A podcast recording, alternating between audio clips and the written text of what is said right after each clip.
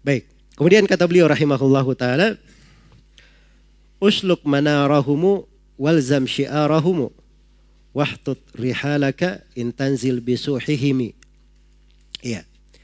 Kata beliau, kamu hendaknya menempuh menarah mereka. Hendaknya engkau menempuh menarah ahli hadith. Menara itu adalah tanda-tanda. Iya. Rambu-rambu.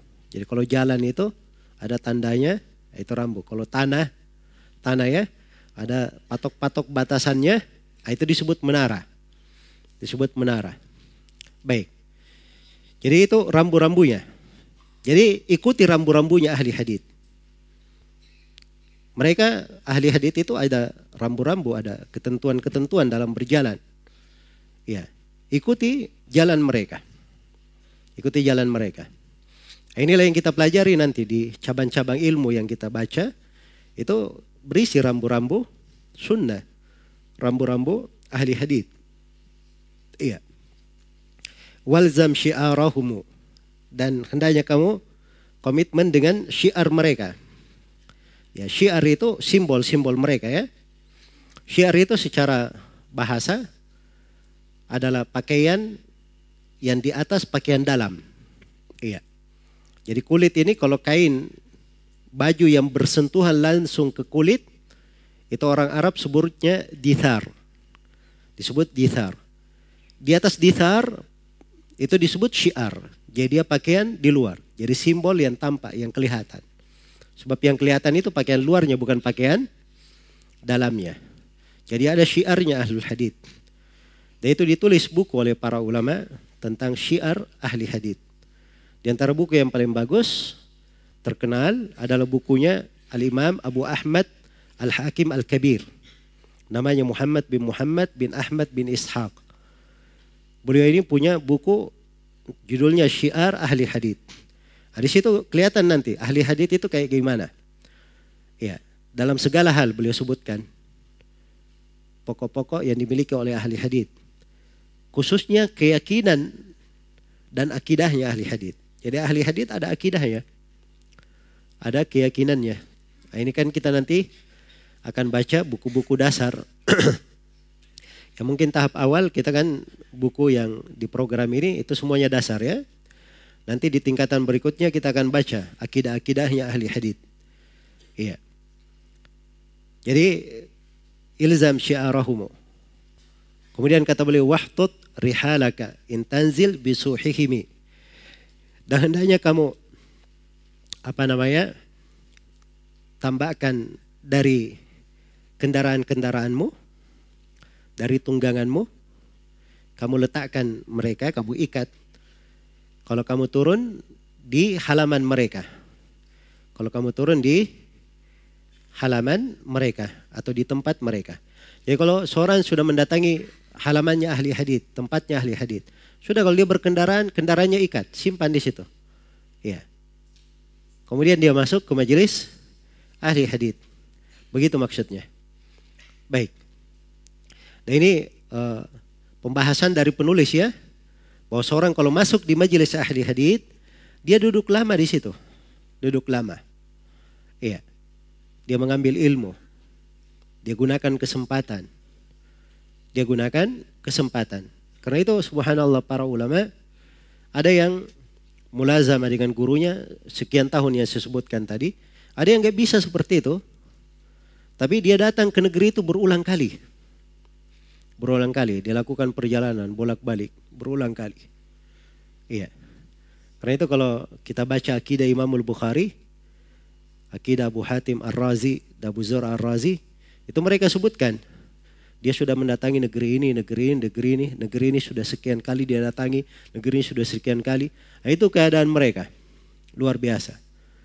Dia tempuh dengan kadang berjalan kaki. Ada sebagian ahli hadith tidak mau dia pakai kendaraan, dia ingin berjalan kaki.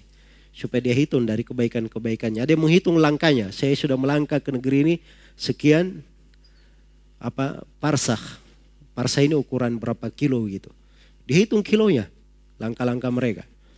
Nah, saking uh, semangatnya mereka, dan besarnya harapan mereka di dalam mencari hadith. Baik, kemudian dari sifat mereka juga humul udulu li hamlil ilmi kaifa wahum ulul makarimi wawnya dibaca ya ulul makarimi wal akhlaki wasyami ya humul udulu ahli hadith ini mereka adalah orang-orang yang adil li hamlil ilmi di dalam menyandang ilmu Kaifa wahum? Bagaimana tidak? Sementara mereka itu ulul makarimi. Ulul makarimi wal akhlaki wasyami. Orang-orang yang memiliki kemuliaan-kemuliaan, akhlak-akhlak dan budi pekerti yang sangat baik. Iya. Ini sifat berikutnya. Saya poinkan di sini ahlul hadith umul udul. Ahli hadith orang-orang yang apa? Orang-orang yang adil. Baik. Ahli hadith adalah orang-orang yang adil. Ini diambil oleh penulis rahimahullah taala dari sebuah hadith. Hadith yang masyhur datang dari beberapa riwayat dihasankan oleh sejumlah ulama. Imam Ahmad menganggapnya sebagai hadith yang sahih. Rasulullah sallallahu alaihi wasallam bersabda, "Yahmilu hadzal ilm min kulli khalafin uduluhu." Yamfuna anhu tahrif al-ghalin wa intihal al-mubtilin wa ta'wil al-jahilin. Sesungguhnya ilmu ini disandang pada setiap generasinya oleh orang-orang adilnya. Ini penegasannya bahwa ilmu agama ini itu tidak akan pernah surut. Pasti ada yang menyandangnya. Inilah al-udul, orang-orang adil. Itu ahli hadith mereka. Tidak ada yang lain kecuali siapa? Ahli hadith. Sebagaimana yang ditafsirkan oleh sejumlah ulama. Bagaimana sifat mereka? Ya, disebutkan tiga sifat di sini. Tiga sifat ini nanti akan dirinci lagi oleh penulis. Yang puna anhu tahrif al ghalin. Mereka itu menafikan dari hadith perubahan yang dilakukan oleh orang-orang yang ekstrim. Wantihal al mubatilin dan jalannya orang-orang yang ahlul batil. Wa ta'wil al jahilin dan takwilnya orang-orang jahil. Ya, ini masalah ini tiga orang ini sebenarnya yang bikin masalah orang yang ekstrim, ahlul batil, dan orang-orang jahil. Dan orang-orang apa? Jahil. Ya, yang ekstrim ini berlebihan. Ah, ini yang selalu bikin perubahan karena ekstrimnya dia. Dia rubah dari apa? Agama tersebut. Dia tahrif. Ada juga ahlul batil. Ah, ini dia bikin jalan sendiri. Ahlul batil ini. Dia bikin jalan sendiri. Dan ada orang-orang jahil. Ya sembaran saja mentakwil. Sembaran dia menafsirkan. Sembaran dia memaknai. Karena kejahilannya. Nah, ahlu hadith ini. Mereka yang menjaga agama ini. Dari orang-orang yang seperti ini modelnya. Itu tugasnya para ulama. Iya, tugasnya para ulama. Jadi orang-orang yang berilmu lah yang menilai ini orang ekstrim, ini orang apa namanya, ahlul batil, ini orang-orang jahil. Nah, itu kelihatan. Iya. Kelihatan. Baik. Imam Ahmad rahimahullahu taala punya pembicaraan yang bagus ya di muqaddimah beliau di khutbah beliau dalam bantahan terhadap kelompok Jahmiyah. Kata Imam Ahmad, Alhamdulillahilladzi ja'ala fi kulli zamanin fatratin minar rusul baqaya min ahli ilm yad'una man dhalla ila al-huda wa yasbiruna minhum ala al-adha yuhyuna bi kitabillahi al-mauta wa yubassiruna bi kitabillahi ahli al-ama Kata beliau, segala puji hanya untuk Allah yang menjadikan pada setiap zaman ya, ada sebuah fatrah dari zaman itu dari para rasul baqaya min ahli ilm ada yang tersisa dari para ulama dari orang-orang yang berilmu. Yad'una man dhalla ila huda mereka menyeru orang-orang yang tersesat kepada petunjuk. Nah, ini tugasnya para ulama. Orang yang tersesat diajak kepada petunjuk karena memang itu sifat ulama orang yang berilmu Ya, bukan orang yang sudah mau belajar, sudah mau kenal sunnah, ya semakin dia tendang. Ada sebagian orang seperti itu ya. Ya. Dia punya kawan sudah mengenal sunnah, ribut. Akhirnya apa? Bagaimana caranya orang ini dijatuhkan? Dikeluarkan dari sunnah. Nah, ini orang yang kelihatan buruknya dari niat dan akhlaknya. Dan bukan seperti itu sifatnya ahli hadith. Mereka menyuruh orang yang tersesat kepada petunjuk. Iya, orang kafir saja mereka aja kepada Islam. Apalagi orang yang sudah apa? Kenal sunnah, yaitu lebih diajak lagi kepada kepada sunnah. Baik. Wa yasbiruna minhum alal ada dan mereka ini bersabar terhadap gangguan. Yuhyuna bi kitabillahil mauta. Mereka menghidupkan orang-orang yang mati dengan kitab Allah. Ini sudah berlalu ya pembahasannya di keutamaan ilmu kemarin. Salah satu keindahan ilmu itu, ilmu itu adalah kehidupan. Dia menghidupkan. Jadi orang yang berilmu itu, dia menghidupkan orang yang mati. Menghidupkan orang yang sudah mati. Iya. Itu tugasnya orang-orang yang berilmu. Dan subhanallah, Betapa banyak pahala yang dia dapatkan. Karena Allah firman, "Waman ahyaha maka nama ahyan nasa jami'an." Barang siapa yang menghidupkannya, menghidupkan sebuah jiwa, seakan-akan dia menghidupkan seluruh manusia. Seakan-akan dia menghidupkan seluruh manusia. Iya. Karena itu di masa dahulu, itu ilmunya ahli hadith betul-betul disebarkan oleh manusia. Kecintaan mereka sebab mereka tahu bahwa ahli hadith itu itu menghidupkan orang dan kebaikannya banyak. Ini bagi siapa yang mengenal arti dari amalan salih. Arti dari amalan salih. Kemudian kata beliau, wa yubassiruna bi kitabillahi ahlal ama. Dan mereka dengan kitab Allah membuat orang yang buta itu menjadi melihat. Ya. Sebab kalau dia jauh dari petunjuk buta namanya. Ketika mereka terima Al-Quran, ah, mereka menjadi melihat.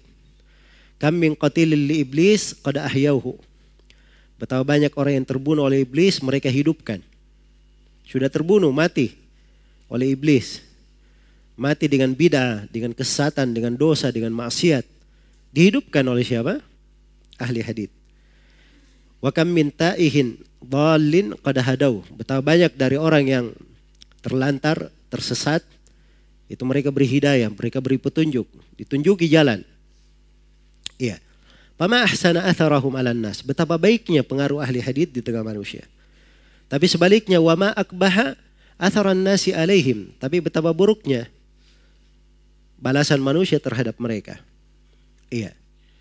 Itu sering terjadi ya.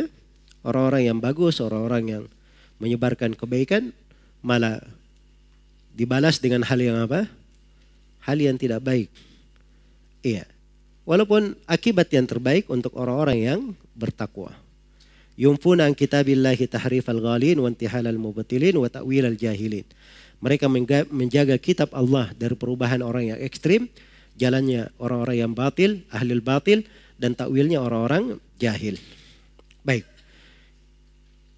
Ibnu Abdul Bar rahimahullahu taala memberikan ketentuan tentang al-udul ini, ahli hadith ini. Kata beliau wa kullu hamili ilmin ma'rufil inaya bihi fahu adlun.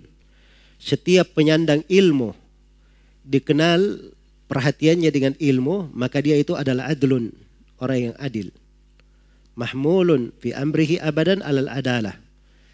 Asal perkaranya dia di atas keadilan hatta tatabayyana jarhatuhu fi halihi sampai kelihatan dia itu ada celaan di keadaannya. Baik. Jadi kalau ahlul ilm asalnya kepada orang yang berilmu dia adil kecuali kalau nampak darinya bidah, nampak darinya celaan baru itu keluar dari asal. Baik. Kemudian kata beliau rahimahullah, humul afadilu hazu khairu manqabatin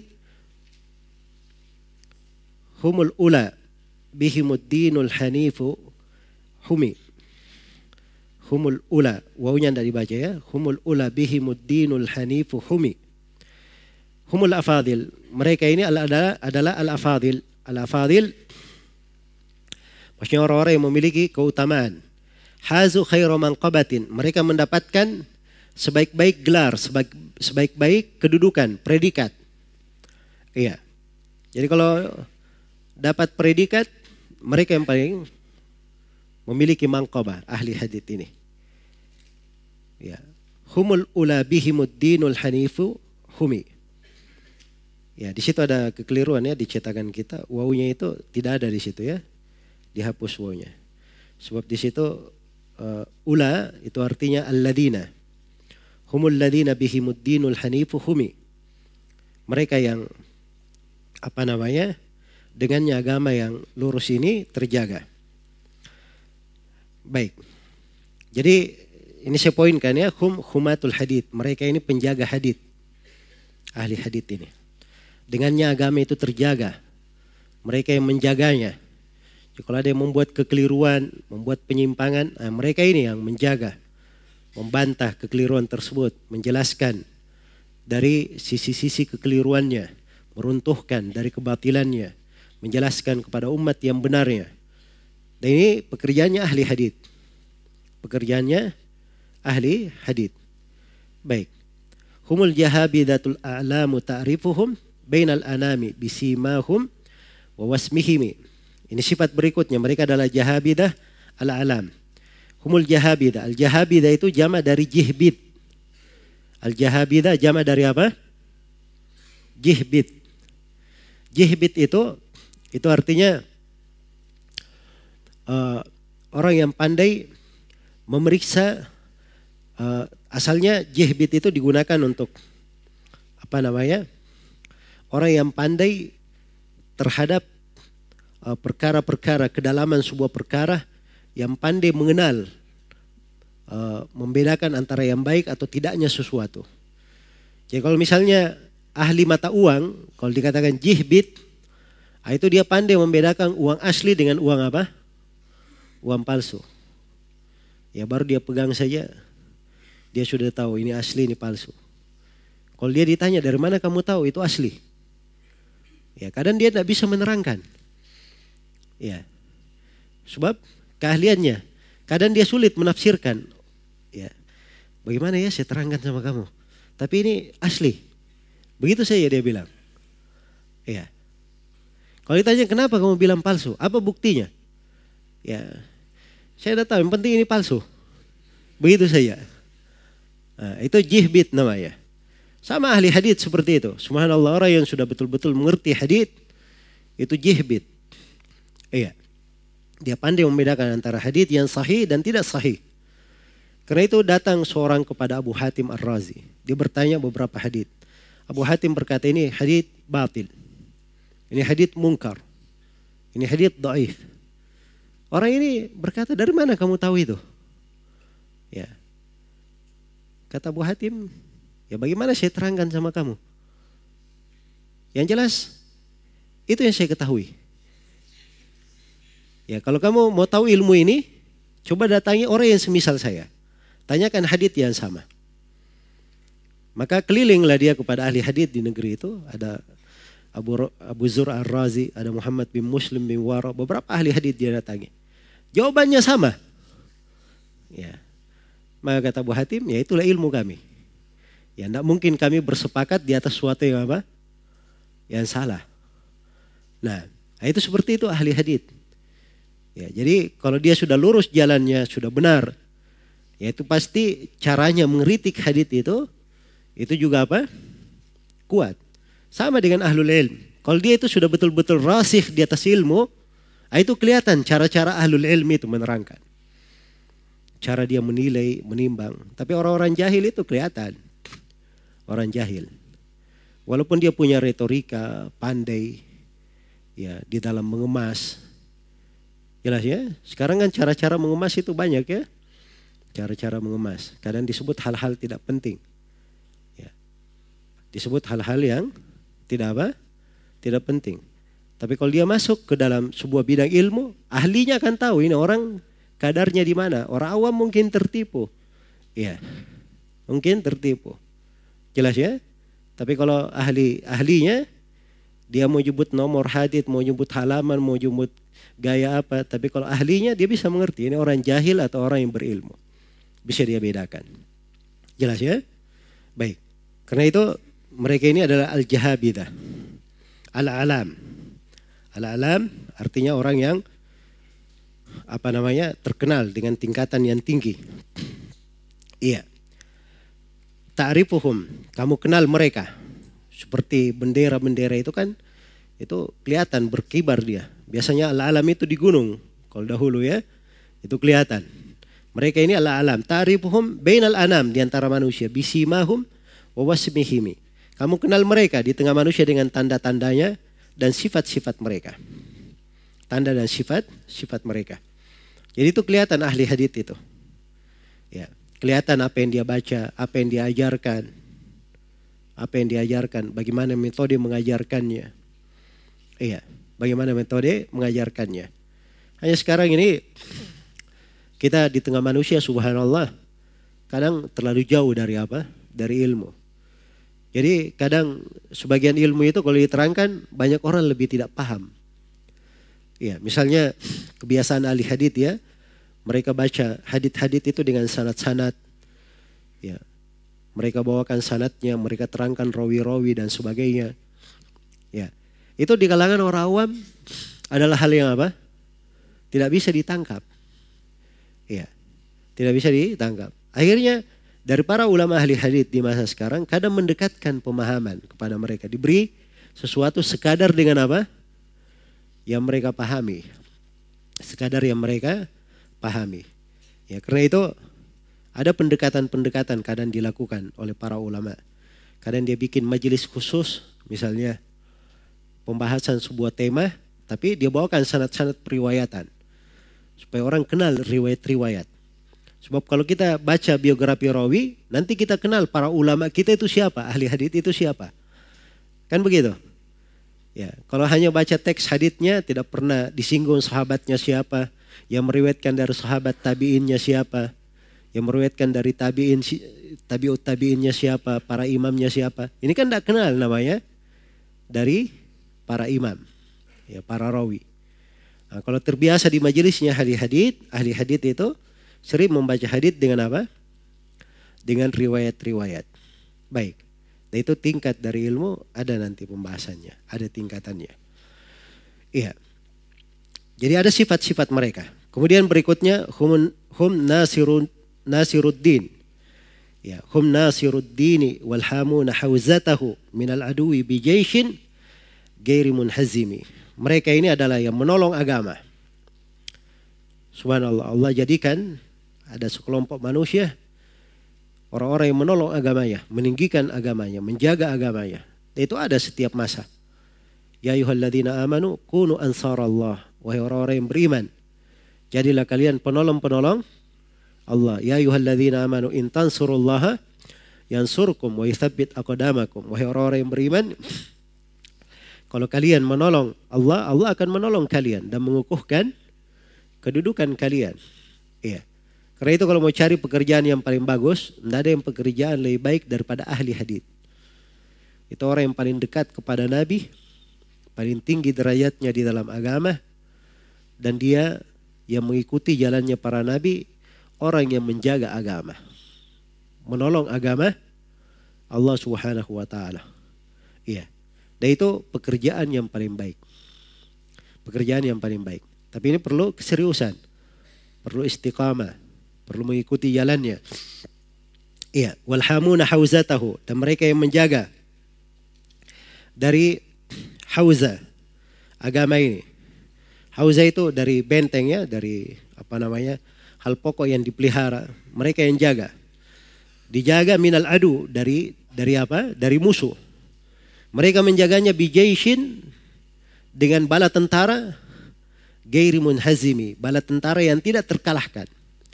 Karena ilmu itu hujah dengan ilmu itu seperti bala tentara. Ya, karena itu seorang alim dia sendiri. Badannya yang sendiri. Tapi dia punya tentara-tentara tidak terkalahkan. Itulah hujah-hujah apa? Hujah-hujah ilmu. Ya, hujah-hujah ilmu. Karena itu kaum Khawarij Didebat oleh Ibnu Abbas. Ibnu Abbas sendiri. Ya. Didebat oleh kaum Khawarid. Mereka rujuk 2000 orang. Padahal jumlahnya tadinya berapa? 6000. Demikian di kebanyakan riwayat ya.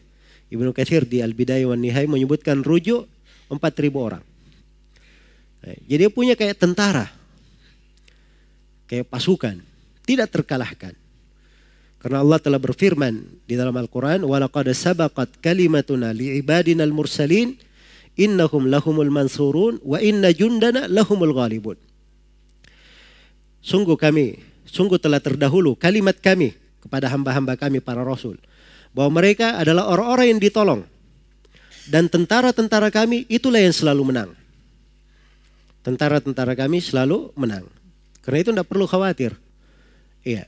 Sepanjang seorang itu berpegang dengan ilmu, dia punya hujah, punya tentara yang apa? Tidak terkalahkan.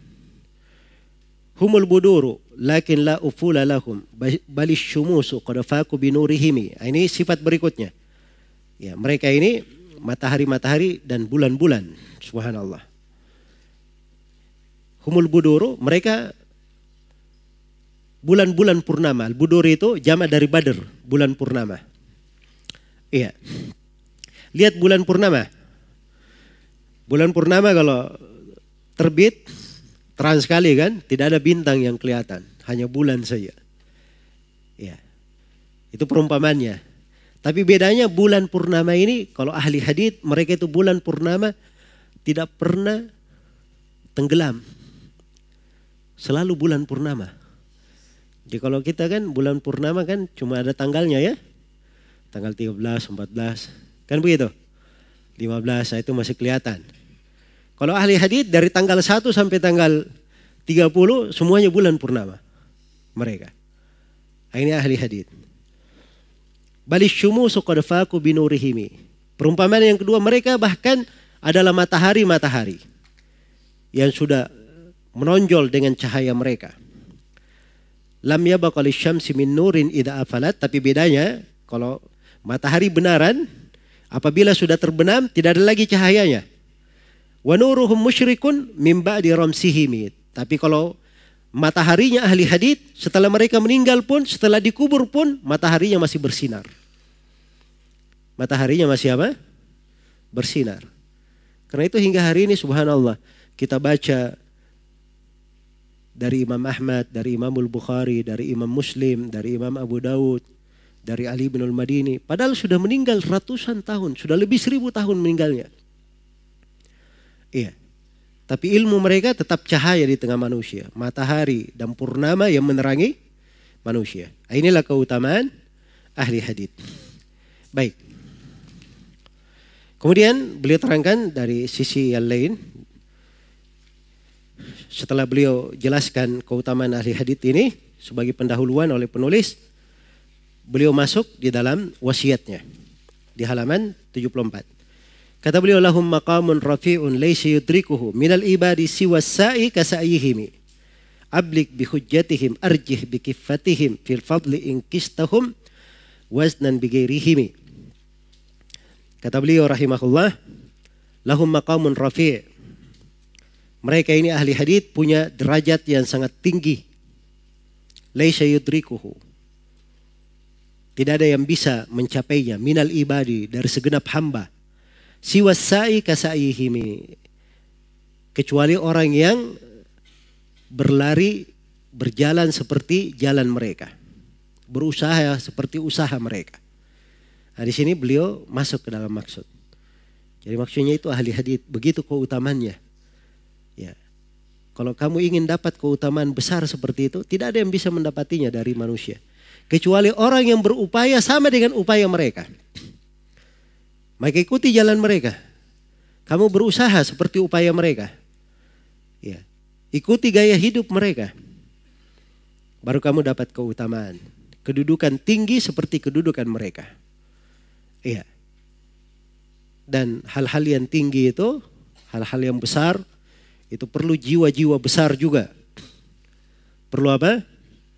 Jiwa-jiwa besar. Iya.